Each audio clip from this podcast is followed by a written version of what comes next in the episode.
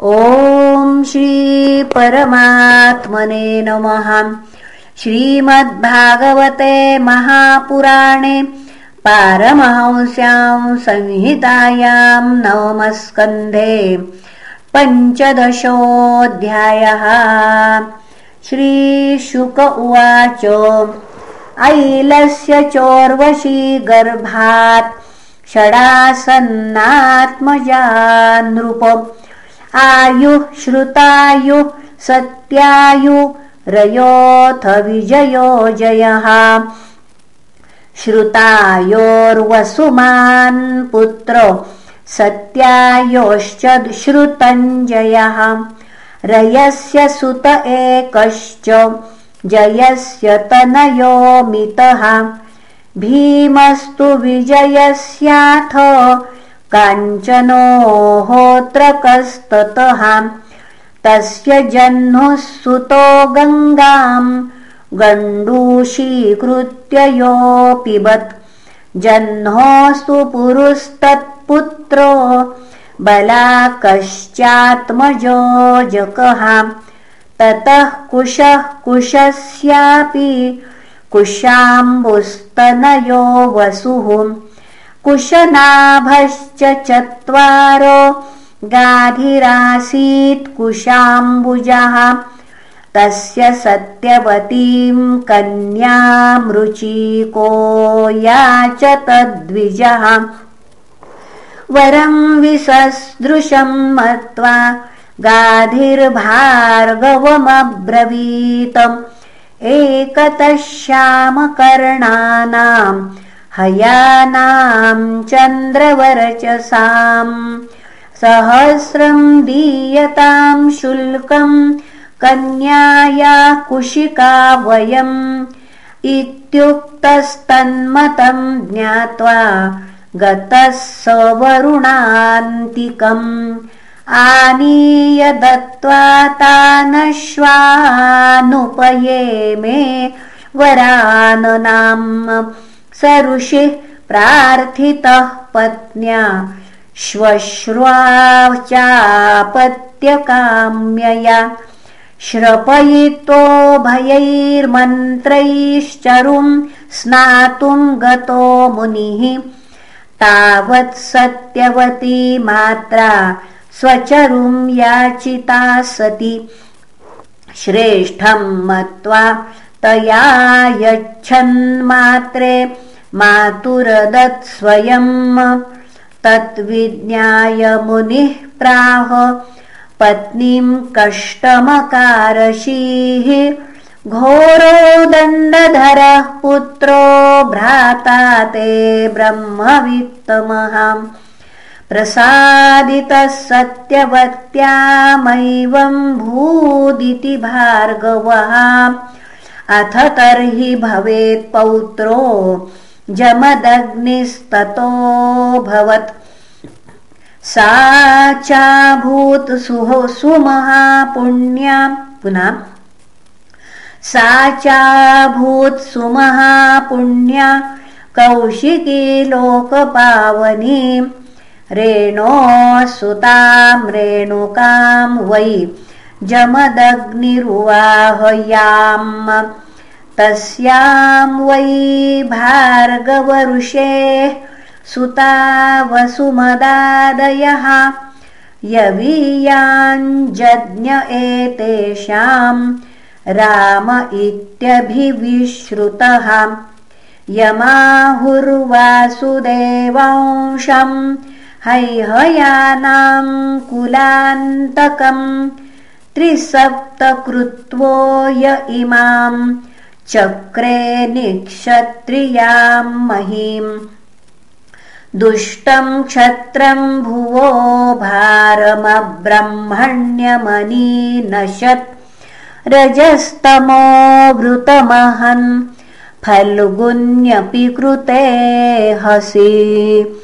राजोवाच किम् तदम्भो भगवतो राजन्यैरजितात्मभिः कृतम् येन कुलम् नष्टम् क्षत्रियाणामभीक्ष्णशः।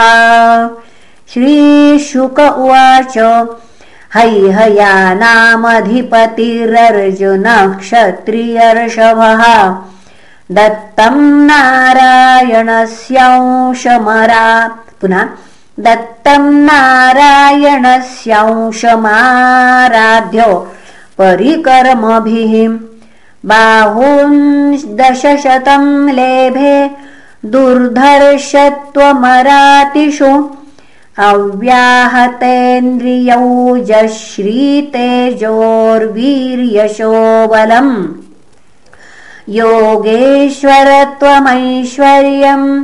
योगेश्वरत्वमैश्वर्यम् गुणायत्राणिमादयः चचाराव्याहतगतिर्लोकेषु पवनो यथा।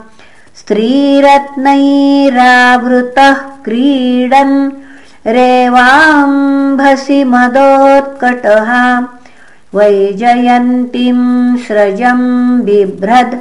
रुरोधसरितं भुजैः विप्लावितं स्वशिबिरं प्रतिस्रोतः सरिज्जलैः नामृष्यत्तस्य तद्वीर्यं वीरमानी दशाननः गृहीतो लीलया स्त्रीणां समक्षं कृतकिल्बिषः महिष्मत्यां सन्निरुद्धो मुक्तो येन कपिर्यथा।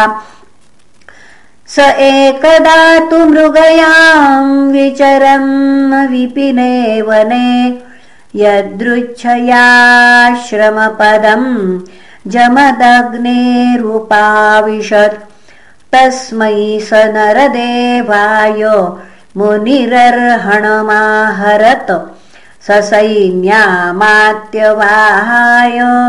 हविष्मत्यातपोधनः स वीरस्तत्र तद्दृष्ट्वा आत्मैश्वर्यातिशायनम् तन्नाद्रियाताग्निहोत्र्याम् साभिलाषः स हैहयः हविर्धानिर्मृषेर्दर्पान्नरान् हर्तुमचोदयत्। ते च माहिष्मतिं निन्यो सवत्सां क्रन्दतीं बलात्। अथ राजनि निर्याते राम आश्रम आगतः। श्रुत्वा तत्तस्य दौरात्म्यम् चुक्रोधाहिरिवाहतः। घोरमादाय परशुं सतूणं चर्मकार्मुकम्। अन्वधावत दुर्धर्षो मृगेन्द्र इव यूथवम् तमापतन्तम् भृगुवर्यमोजसाधनुर्धरम् बाण परश्वधायुधम्। ऐणेयचर्माम्बरमर्कधामभिर्युतम् जटाभिर्ददृशे पुरीम् विशन्। अचोदयस्धस्तिरथाश्वपत्तिभिर्गदासि बाणर्ष्टिशताग्निशक्तिभिः अक्षौहिणी सप्तदशातिभीषणास्ताराम। एको भगवानसूदयत् यतो यतोऽसौ प्रहरत्परश्वधो मनोनिलौजाः परचक्रसूदनः। ततस्ततश्छिन्नभुजोरुकन्धरा निपेतुरुर्व्यां हतसूतवाहनाः। दृष्ट्वा स्वसैन्यं रुधिरौघकर्दमे रणाजिरे रामकुठारसायकैः। विवृक्णचर्मध्वजचापविग्रहम् निपातितं हैहय आपततृषा अथार्जुनः पञ्चशतेषु बाहुभिर्धनुषु बाणान् युगपत्स सन्दधे रामाय रामोऽस्त्रभृतां समग्रणीस्तान्येक धन्वेषु भिराच्छिनत् समम्। पुनः स्वसहस्तैरचलान्मृधेऽङ्घ्रिपानुत्क्षिप्य वेगादभिधावतो युधि। भुजान् कुठारेण कठोरनेमिना। चिच्छेद राम प्रसभं त्वहेरिव। कृतबाहो शिरस्तस्य गिरे शृङ्गमिवाहरत्। हतेऽपि तरि तत्पुत्रा अयुतं दुद्रुवुर्भयात् अग्निहोत्रिमुपावर्त्य सवत्सां परवीरः। समुपेत्याश्रमं पित्रे परिक्लिष्टां समर्पयत्। स्वकर्म तत्कृतं राम। पित्रे भ्रातृभ्य एव च। वर्णयामास तच्छ्रुत्वा जमदग्निरभाषत राम राम महाबाहो भवान् पापमकाशीतम् अवधीन्नरदेवं यत् सर्वदेवमयं वृथा। वयं हि ब्राह्मणास्तात् क्षमयार्हणताङ्गताः यया लोकगुरुर्देव पारमेष्ठमगात्पदम्। क्षमया रोचते लक्ष्मीर्ब्राह्मी सौरी यथा प्रभा। क्षमिणामाशु भगवंस्तुष्यते हरिरीश्वरः राज्ञो मूर्धाभिषिक्तस्य